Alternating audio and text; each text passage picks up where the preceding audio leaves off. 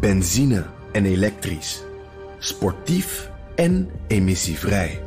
In een Audi plug-in hybride vindt u het allemaal. Ervaar de A6, Q5, Q7 en Q8 standaard met quattro vierwielaandrijving. Wat u ook zoekt, u vindt het in een Audi. Audi. Voorsprong door techniek. Dat is een miljoenenstad, hè? Die dan gewoon direct gevaar loopt. En wat gebeurt er dan? Ja, waar moeten die mensen naartoe? Dus miljoenen mensen moeten dan gaan migreren. Dan moet je je voorstellen wat voor spanningen dat gaat geven. Want die gaan moeten migreren naar andere gebieden waar al andere mensen zitten. En dan krijg je allerlei conflicten over land.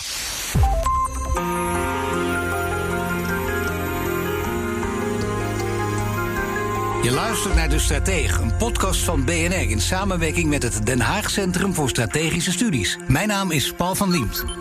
Climate change, a defining issue of our time. People are profoundly affected as lives are lost, livelihoods destroyed, and communities displaced. In some circumstances, climate change can even disrupt peace and security. These kinds of stresses can contribute to violent conflict. We are going to see an increase in drought and flood and extreme weather disturbances as a result of climate change. Peoples all over the world are going to be fighting over limited natural resources. The United Nations calls it the most disaster prone region in the world. It is the Asia Pacific.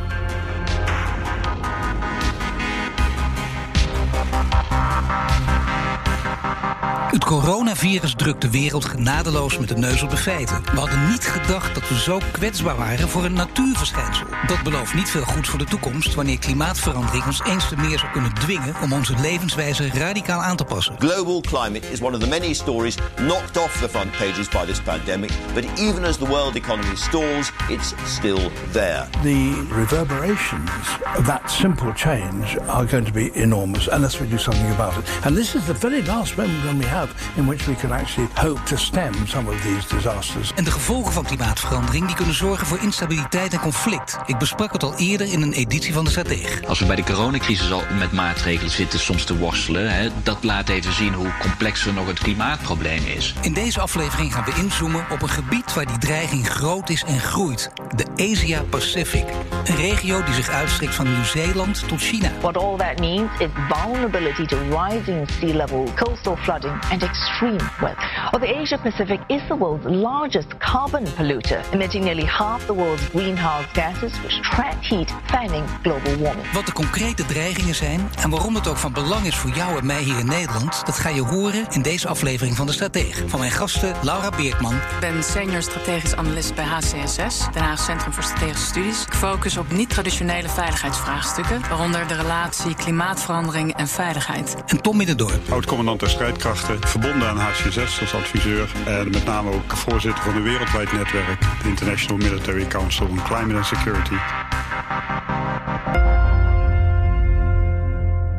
This year is anything but normal, and your summer vacation is probably going to be different too. Evenementen die gaan niet door tot 1 september. Het beloofde een fantastische zomer te worden. Het wapperende rood-wit-blauw in Tokio, Dumoulin aan kop in Frankrijk en het grote genieten van Virgil en Frankie tijdens het EK voetbal.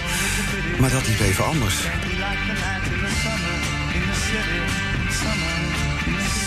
Nou, ik spreek jullie hier eh, gelukkig, eh, wil ik erbij zeggen, allebei hier fysiek in de BNR-studio. En eh, de zomervakanties lopen op zijn eind. Door corona moet het de raarste zomer zijn, misschien wel, die jullie ooit hebben meegemaakt. Of mag ik dat niet zeggen tegen een militair en oud-commandant de strijdkracht als meneer Middendorp? Nou, ik vrees dat ik vele rare zomers heb meegemaakt. Ja. En, uh, met name de zomer met MH17, die staat ook nog vers in mijn geheugen. Oh, ja. Maar dit is ook wel een unieke, ja, inderdaad. Maar uniek in de zin van heel veel ook thuiswerken, ook, ook een beetje angst?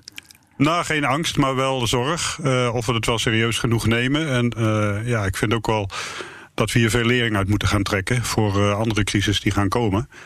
maar inderdaad, veel thuiswerken, ja. Veel via de video. en het hele internationale circuit ligt eigenlijk stil. Bevalt het ook met die video? Uh, tijdelijk wel, maar het moet niet te lang duren. Ik mis wel de sociale contacten. Ik mis de echte interactie met mensen. Dat is toch lastiger via zo'n uh, kanaal. En Laura, hoe is het voor jou? Heb je, heb je kunnen doen wat je bijvoorbeeld normaal gesproken deze zomer ook zou gedaan hebben? Nou, ten dele. Ik denk, uh, als het gaat om het werk, heb ik eigenlijk nog wel uh, heel productief uh, kunnen zijn. het is het voordeel van het werken voor een denktank, dat je toch ja. ja. veel achter, achter je computer zit. Dus wat dat betreft merkte ik niet een heel groot verschil. Maar ja, ik heb ook wel, uh, ja, toch wel wat plannen moeten, moeten laten. En uh, heb wel uh, een beetje Nederland heen en weer gereden. Maar verder heb ik het ook niet ja, dingen ondernomen. Meneer Winnendorp, ik sprak u in een eerdere aflevering van de Strateeg. En toen ging het over het risico dat klimaatverandering kan leiden tot conflicten. En nu praten we specifiek over, over een regio waar dat risico bestaat, namelijk de Asia-Pacific. En daarover heeft HCSS een rapport geschreven. Wat is uw betrokkenheid daarbij? nou, ik ben natuurlijk betrokken vanuit het netwerk uh, dat IMCCS-netwerk, waar ik voorzitter van ben. En die zijn ook leading geweest in dit rapport. Dus het is niet alleen HCSS, het is een samenwerking geweest tussen verschillende onderzoeksinstituten die onderdeel uitmaken van dat netwerk. Ja, en wat is precies de rol geweest? Uh, voor mijn, mijn rol is uh, als voorzitter is meer een sturende rol. Dus ik heb hier inhoudelijk nog niet zo heel veel aan bijgedragen. Het zijn vooral de researchers die het werk hebben gedaan. Mijn rol zit meer in het uitdragen van de boodschappen en zorgen dat we dit, dit soort conclusies serieus nemen. En Laura, jij bent een van de schrijvers van het rapport. Eh, wat heb je precies onderzocht? Ja, ik heb um, vanuit mijn achtergrond op het gebied van crisisbeheersing en rampenbestrijding uh, gekeken naar uh, ja, eigenlijk uh, specifiek het fenomeen van megacities. Dus hele grote steden, miljoenen steden die in kwetsbare gebieden liggen. En voornamelijk in Asia Pacific is dat een probleem omdat daar de zogenoemde disaster alley is gesitueerd, waar heel veel nou ja, grootschalige rampen plaatsvinden. Kun je een paar van die hele grote steden noemen? Uh, ja, zeker. Uh, als je denkt aan grote steden, megacities die kwetsbaar zijn, dan moet je denken aan steden zoals uh, Bangkok, Ho Chi Minh City, Manila. Mumbai ook, denk ik. Mumbai, ja, zeker. Ja, dat, uh, dat zijn allemaal grote steden met uh, hele grote uh, sloppenwijken die, eh, ja, die niet bestand zijn tegen de grote veranderingen die dus plaatsvinden. Ja, veel steden met inderdaad veel sloppenwijken, zoals je zegt, en waar meer dan 10 miljoen mensen wonen. En, en dan ook nog ja. op, op, een heel gevaarlijk gebied waar overstromingen, branden, bosbranden aan de orde van de dag kunnen zijn. Ja, zeker. En nou ja, voor de Asia Pacific geldt vooral in deze steden dat overstromingen en inderdaad de relatie met water heel ja. precair kan zijn. The United Nations calls it the most disaster prone region in the world. It is the Asia Pacific, or the risk lies in the lay of the land. Long coastlines, many low lying areas, and small island states. Ja, we gaan het dus hebben over de Asia-Pacific. En je hoorde het al, een gebied dat zeer vatbaar is voor de gevolgen van klimaatverandering. Even voor de duidelijkheid, Laura, over welk gebied en, en welke landen? Je hebt al iets aangegeven, maar uh, welke landen gaat het uh, precies? Nou ja, het is een, een hele grote regio. Um, dus uh, specifiek um, de scope is uh, de Indo-Asia en Pacific regio's. Het zijn eigenlijk twee regio's. Hè. De Pacific, dat kent ook zijn specifieke um, dynamieken van, die, die losstaat van, van Indo-Asia. Maar ook binnen Azië praat je over Zuid-Azië, dus India, Pakistan. en je praat over Centraal-Azië, Afghanistan. je hebt het ook over uh, Zuidoost-Azië. Dus dan moet je denken aan uh, alle landen uh, bij Thailand en Filipijnen. Maar ook landen zoals Australië en Japan. die hebben een rol te spelen in deze dynamiek. En ook zeker in deze context moet je niet de um, Small Island Pacific States vergeten. Dat zijn eilandengroepen die zeer kwetsbaar zijn voor klimaatverandering. Maar als het gaat dus over de rampen, dan gaat het over de stormen, over de overstromingen, noem maar op. Tussen 1970 en 2018, toen ik hier in verdiepte, zag ik het ook. Enorme cijfers, dat is vaak voorgekomen.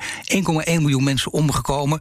Het leidt heel weinig tot ons te komen. Jullie zitten daar nu veel dieper in. Ik een beetje vanwege de voorbereiding.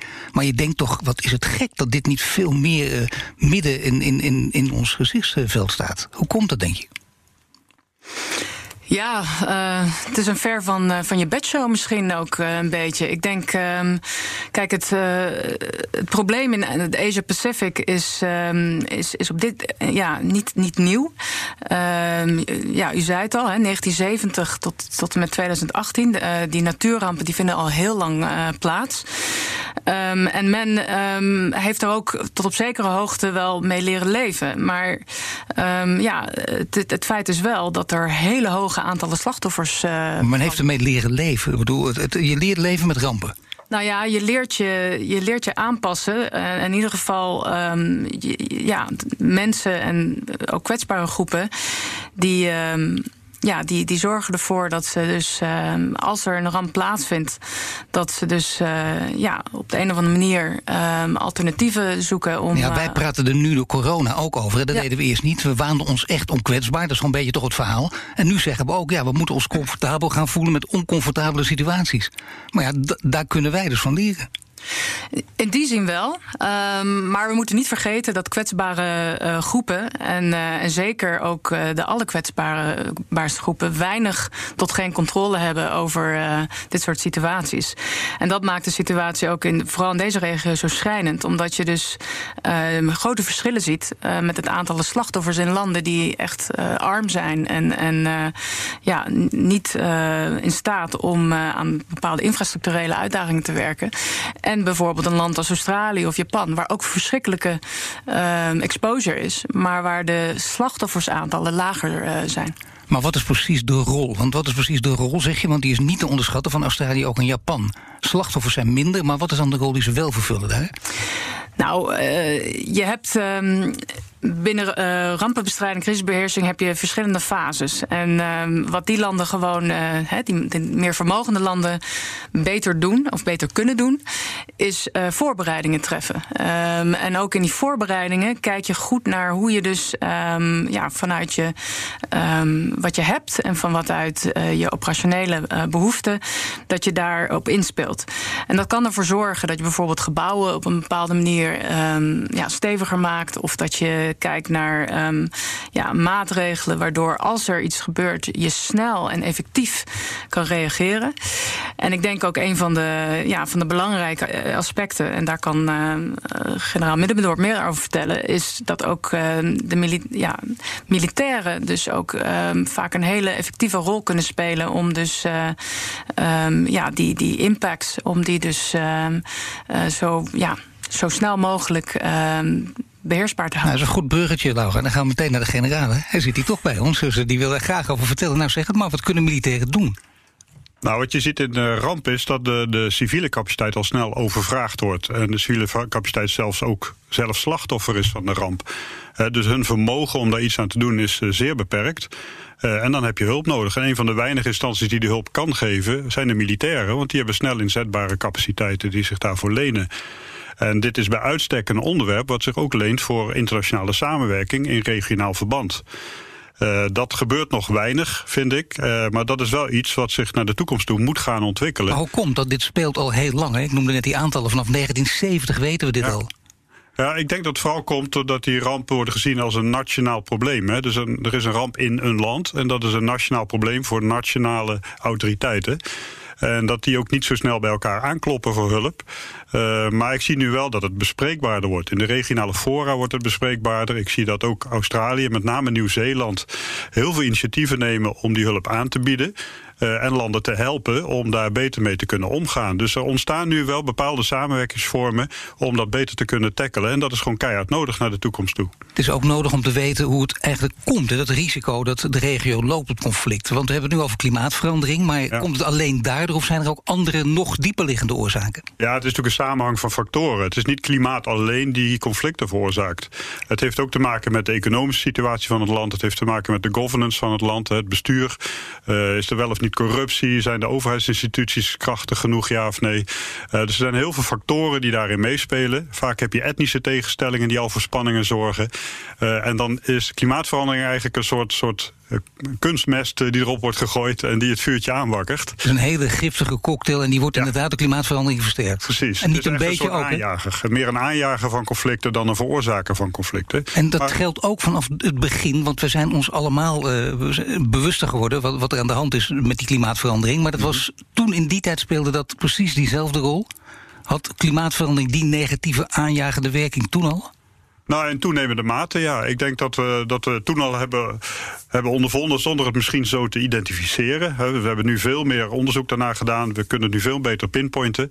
Eh, en nu kunnen we dat veel duidelijker eh, duiden eh, met elkaar. En kunnen we die vinger op de, op de zere plek leggen. Wat ik steeds las in alle verhalen, dat het ook gaat over klimaatverandering, leidt ook tot, tot voedselproblemen. En uiteraard leiden voedselproblemen tot conflicten. En, en dus grote, grote oorlogen kunnen dat ook worden. Ja, ik denk dat dat voedsel en water, eh, dat zijn de twee onderwerpen die gewoon de schaarste van de toekomst gaan worden. En de uitdaging van de toekomst gaan worden waar conflicten over gevoerd kunnen gaan worden je ziet in deze regio uh, dat het de combinatie is van overstromingen en droogte. Dat klinkt misschien heel raar. Hè? Als je zegt overstromingen, dan heb je blijkbaar water genoeg. En toch heb je droogte. Maar ik heb het zelf ook ondervonden in Afghanistan. Dat je in het voorjaar heb je vier weken lang veel te veel water. Hè? Er komt al dat smeltwater uit die bergen. heb je allerlei overstromingen. Dus alle akkers die lopen onder, de dorpen lopen onder. En daarna wordt het keurig droog dus beide problemen heb je mee te maken. Uh, en met name die regio. En als je dan ook nog nagaat en, dat daar in dat hooggebergte... daar zit een bron van water, een soort watertoren zit er in de Tibetaanse hoogvlakte... die eigenlijk de hele regio, al die landen van water voorziet, van drinkwater. En ook die is aan het wegsmelten. Het is een soort derde polkap van de wereld. En, en wat is een werkelijk bestaand conflict dat al een tijdje aan de gang is? Dat echt veroorzaakt is door klimaatverandering. Dus door overstromingen en door droogtes, et cetera. Nou, veroorzaakt door klimaatverandering zie ik eigenlijk geen conflict. Uh, aangejaagd door klimaatverandering. Uh, ik denk verschillende. Hè. Ik heb zelf in Afghanistan ondervonden dat uh, klimaatverandering leidde tot minder perspectief voor de mensen. Er kwamen allerlei lokale conflicten over verdelen van water. Water was schaars. En de Taliban speelde daarop in. En die maakte daar gebruik van en bouwde daar hun machtspositie op dus het, het, is meer een indirecte werking van, de, van het klimaat die de conflicten veroorzaakt. maar ik denk het, Als ik even de reden mag vallen, hoe zit het met het conflict India-Pakistan? En dat komt dan regelmatig, naar verhouding, wel regelmatig nog tot ons. Dat speelt hier ook een rol. Heeft hier ook mee te maken? Ja, maar uh, dat heeft natuurlijk ook andere oorzaken. Daar zitten ook veel diepere historische oorzaken achter en etnische oorzaken. Uh, maar klimaatverandering speelt daar ook op in. want de, rivier, uh, die, ja, de rivieren lopen door beide landen heen. Hè, die beide landen van drinkwater voorzien. En als die rivieren uitdrogen of als een van die landen dammen gaat bouwen... Ja, dan heeft het andere land daar last van en dus de, ja, de landen downstream hebben er weinig belang bij dat de landen upstream uh, dat die dammen gaan bouwen. En dat gebeurt dus nu. dat doet China ook uh, in de Tibetaanse hoogvlakte. Uh, en dat heeft invloed in Cambodja, in Laos, in al die landen die verder naar beneden liggen. Die hebben daar grote last van. Maar de rijkere landen, China, Thailand, Japan trouwens ook... die kunnen zich makkelijker beschermen. Die kunnen ook uh, dammen bouwen, die kunnen meer doen aan... Uh, tussen aanhalingstekens dijkbewaking, waar wij Nederlanders zo goed in zijn.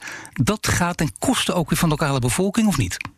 Nou, die hebben wel de luxe dat ze zich daar iets beter op kunnen wapenen. Dat ze kanalen kunnen maken, dat ze dammen kunnen bouwen. Maar een land als Thailand kan dat bijvoorbeeld niet. Hè. Dat is echt een deltaland. En ja, Bangkok, dat ligt geloof ik het hoogste puntje 1 meter boven zeeniveau. Dus uh, als die zeespiegel gaat stijgen, als daar meer overstromingen komen, dat is een miljoenenstad, hè, die dan gewoon direct gevaar loopt. Ja. En wat gebeurt er dan? Ja, waar moeten die mensen naartoe? Dus miljoenen mensen moeten dan gaan migreren. Dan moet je je voorstellen wat voor spanningen dat gaat geven. Want die gaan moeten migreren naar andere gebieden waar al andere mensen zitten. En dan krijg je allerlei conflicten over land. En bovendien conflicten over geld. Want nog een keer even China en Thailand, uh, Laura, misschien kan ik dat uh, jou vragen. Ze investeren dus, zoals ik zei, in dammen, claimen ook rechten op de energie- en watervoorziening. En dat gaat dan weer ten koste van landen als Cambodja, uh, Laos. Is dat, tenminste, dat is ook een van de verhalen die af en toe verteld wordt. Is dat ook waar, dat laatste? Ja, um, je, je merkt dat er dus steeds meer competitie gaat komen hè, over water. Um, en interessant daarbij is ook om na te denken over over bijvoorbeeld uh, de transitie die er nu ook plaatsvindt van uh, fossiele brandstoffen naar uh, low carbon en renewable energy systemen, ook in die landen.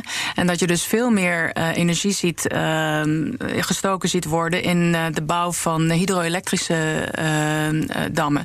Dus nou, generaal die, die noemde het al. Maar in, ehm, in, in het gebied um, van Mekong, waar dus Laos, Cambodja en Thailand ook uh, liggen. En uh, Irrawaddy, uh, waar Myanmar um, um, vlakbij of midden, middenin ligt, daar zie je dat er dus door China en door Thailand ja, financieringen gedaan worden in die dammen. En dat zorgt ervoor dat ja, ze ook claims gaan leggen op die, ja, op die energie. En, en ze zijn nou rijker en ze profiteren hier dus ook nog van. Dus dat is toch een, een vrij lastige situatie. Wie kan hier ingrijpen of wie kan hier iets aan doen? Ja, het is ingewikkeld, want uh, ze investeren dus inderdaad in die dammen. Um, en um, tegelijkertijd is de afhankelijkheid van de rivierstromen van die andere landen is, uh, is zeer aanwezig. Dus ja, dat zou dus denk ik regionaal uh, op de agenda moeten. Van hoe ga je daar op een manier op dat je dus toch die, ja, die, die toegang um, tot, tot die waterstromen nou ja, op een manier verdeelt waardoor je dus niet extra kwetsbaarheden gaat creëren. Als je nagaat dat uh, 37% van uh, de Myanmar-bevolking uh, op dit moment, of ik geloof 2018, toegang heeft tot elektriciteit, dan, dan ja, kan je kan je voorstellen dat dat alleen maar gaat toenemen. En dus ook die druk om dus die toegang tot die, ja, tot die voorzieningen te krijgen. Maar ja, ik begrijp wel de wil om maatregelen te nemen die klimaatveranderingen tegengaan. Die is er wel, die is er meer dan voorheen dus. Die bestaat wel. Dat, dat is, laten we zeggen, misschien het hoopgeven aan dit verhaal, of niet, meneer Middendorp? Nou, ik denk dat vele landen eh, wel de noodzaak zien. Hè. Ze zien ook de eindigheid van fossiele brandstoffen. dus ook China zet gewoon massaal in op, uh, op renewables, dus op andere vormen van energievoorziening omdat ze gewoon zien dat ze niet eeuwig uit die olie kunnen putten. Uh, en willen daar eigenlijk in voorop lopen. Zien het ook als een soort kans om daar een, een leidende positie in te nemen. Ja, maar het gaat natuurlijk toch om uh, de grote sterke landen. Bijvoorbeeld ook Australië, Nieuw-Zeeland, Japan. Al deze landen, die, die, uh, China noemden we natuurlijk net ook al. Die uiteraard ook kijken naar het eigen belang. Dat belang is te groot om gezamenlijk op te treden. Of gaan we ook hier ooit een bijna ideale situatie kunnen creëren? Ik bedoel, je kunt, je kunt meerdere scenario's schetsen. Ideaal zal het niet worden. Maar kunnen er nu juist, uh, omdat klimaatverandering... nou ja, goed, voor, voor iedereen een grote verhaal geworden is... kunnen daar wel stappen gezet worden nu? Ik bedoel, de komende twee, drie jaar? Ja, de verschillen tussen de landen zijn natuurlijk groot. Uh, grote politieke verschillen, veel onderlinge spanningen. Uh, ook in Korea en Noord-Korea is natuurlijk weer een totaal ander uh, vraagstuk.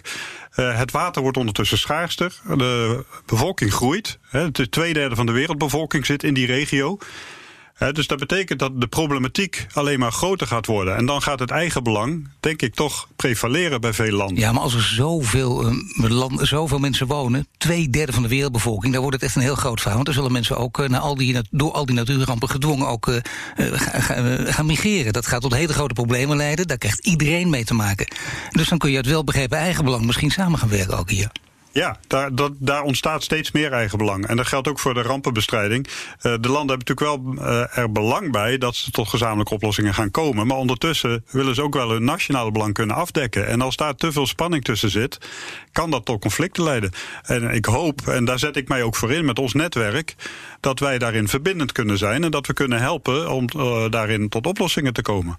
Maar ja, het is uh, voor veel mensen die zich niet hierin verdiept hebben, ik kan me dat voorstellen als dit voorbij komt, dat je denkt, wacht even, militairen. En die denken, oh, Tom Middendorp, uh, sorry dat ik het even zeg, maar ja, de groene generaal, wordt het toch één keer gemaakt. Dat zou zonde zijn als je dat niet gebruikt in deze uitzending.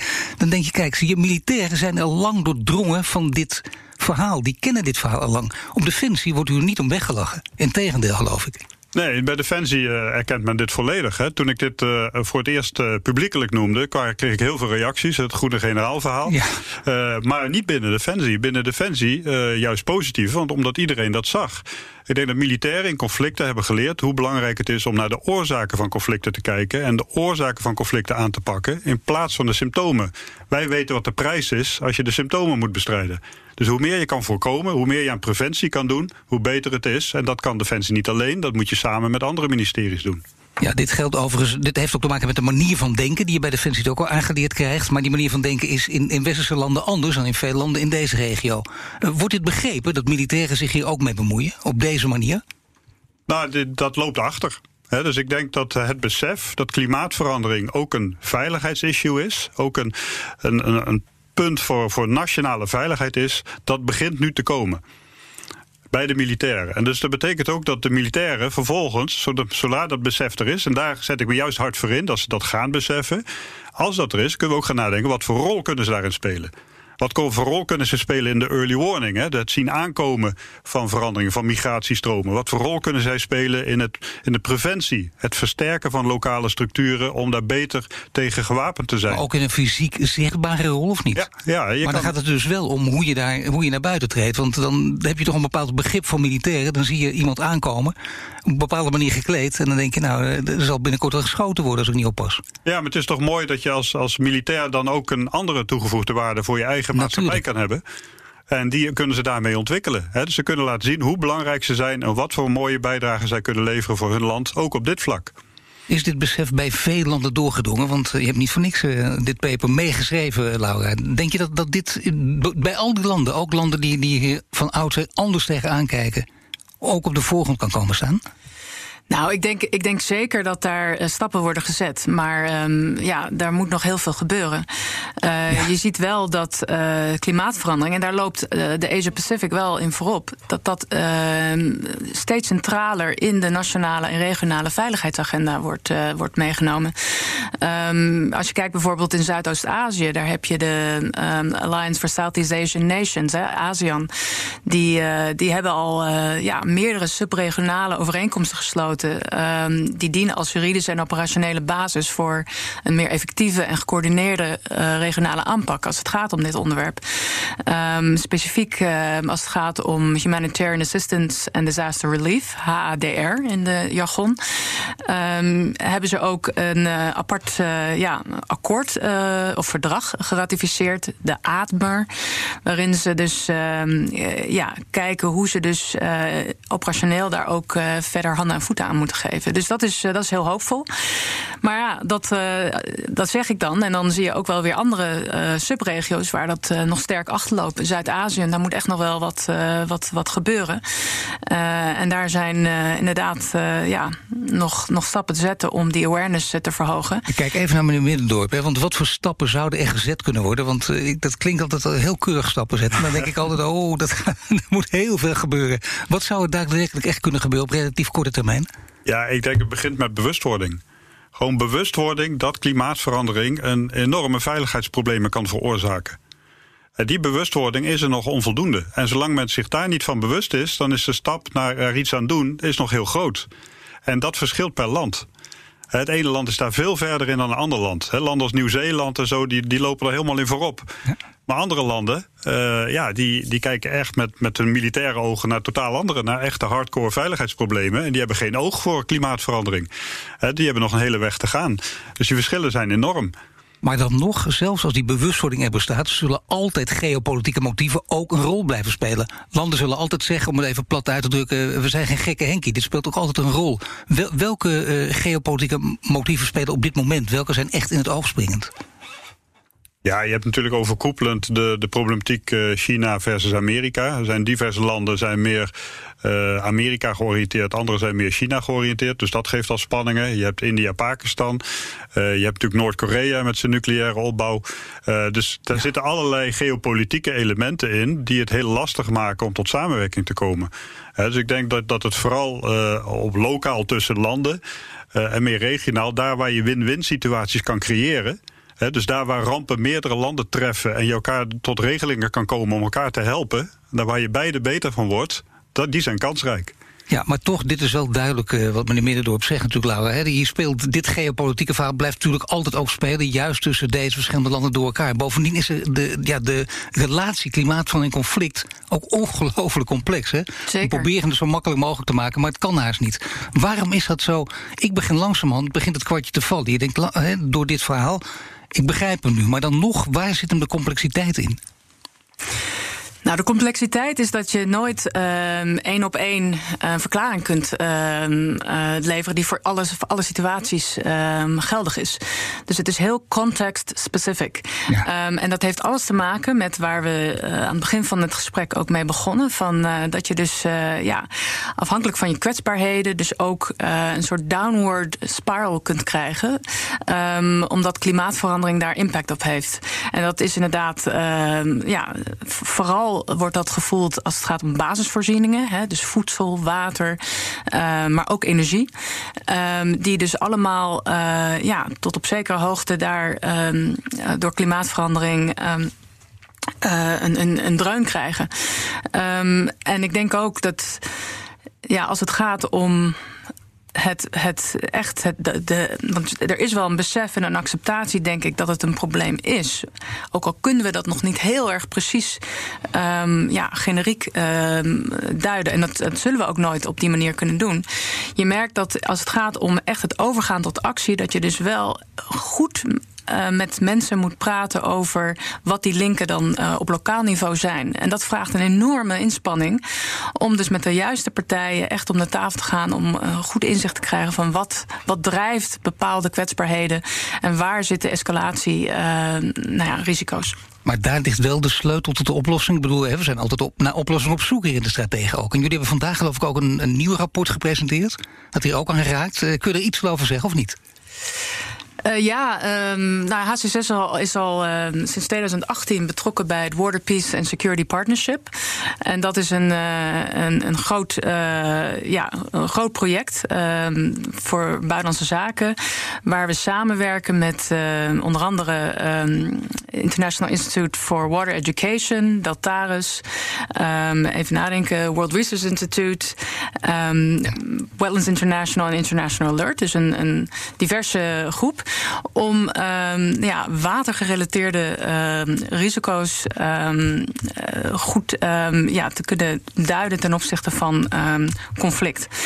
En om, dat, uh, om dat te doen, ja hebben we een bepaalde aanpak ontwikkeld. Waarbij we dus slimmer en, en, en, en gewoon ja, veel meer evidence-based um, hotspots kunnen identificeren waar risico's zijn en op basis daarvan kunnen inzoomen en met betrokken partijen uh, de specifieke condities en, en drijvers van uh, instabiliteit verder kunnen uh, bespreken en uiteindelijk hopelijk aan te pakken. Dus het is in die volgorde dat we hopen dat we dus ja, veel meer targeted oplossingen kunnen bieden. maar goed, dat vraagt wel een conflict-sensitive approach, waarbij je dus um, goed snapt. Wat? Ja, we noemen dat een conflict-sensitive approach. Dus ja. dat je weet dat je dus um, in een regio um, ja, iets wil bereiken die dus complex is, waar dus uh, niet vanzelfsprekend is dat mensen met elkaar om de tafel gaan. Uh, en waar je dus heel goed moet nadenken aan de voorkant uh, van hoe je dat gaat doen. En dat vraagt ja, ook een inspanning. Um, om, om, om ja, toch een soort trust building exercise uh, te, te, te doen. En, uh, het is een Nederlands programma dit, hè? Ja, mijn, uh, mijn Engels en nou, toch over Nederland verraadt zichzelf. Ja, en nou toch over Nederland hebben en, en over water zou je zeggen. Nederland kan hier een heel grote, ik denk ook meteen natuurlijk economisch, een heel grote rol gaan spelen, of niet? Ja, Nederland heeft een hele grote rol in te spelen. En uh, kijk, uh, we zijn niet voor niets een land dat bekend staat om zijn, uh, zijn kennis op het gebied van water, maar ook op landbouw. We zijn hartstikke innovatief in op deze gebieden. En um, er zijn um, goede samenwerkingsverbanden, ook in de Asia Pacific. Dus er is een infrastructuur. Dus ik denk zeker dat wij ja, veel centraler die, die veiligheidsrisico's kunnen opnemen, ook in, in die trajecten. Um, en daarnaast denk ik ook dat Nederland um, gewoon binnen Europa uh, nadrukkelijker moet aansturen om dus uh, ja, die koppeling tussen klimaatverandering en veiligheid uh, centraal te stellen. Dat, dat gebeurt nog niet voldoende, eerlijk gezegd. En ik denk dat we, ja, dat we daar wel nog wat kunnen winnen. Ook in de UN Security Council merk je dat ze nu stappen aan het zetten zijn.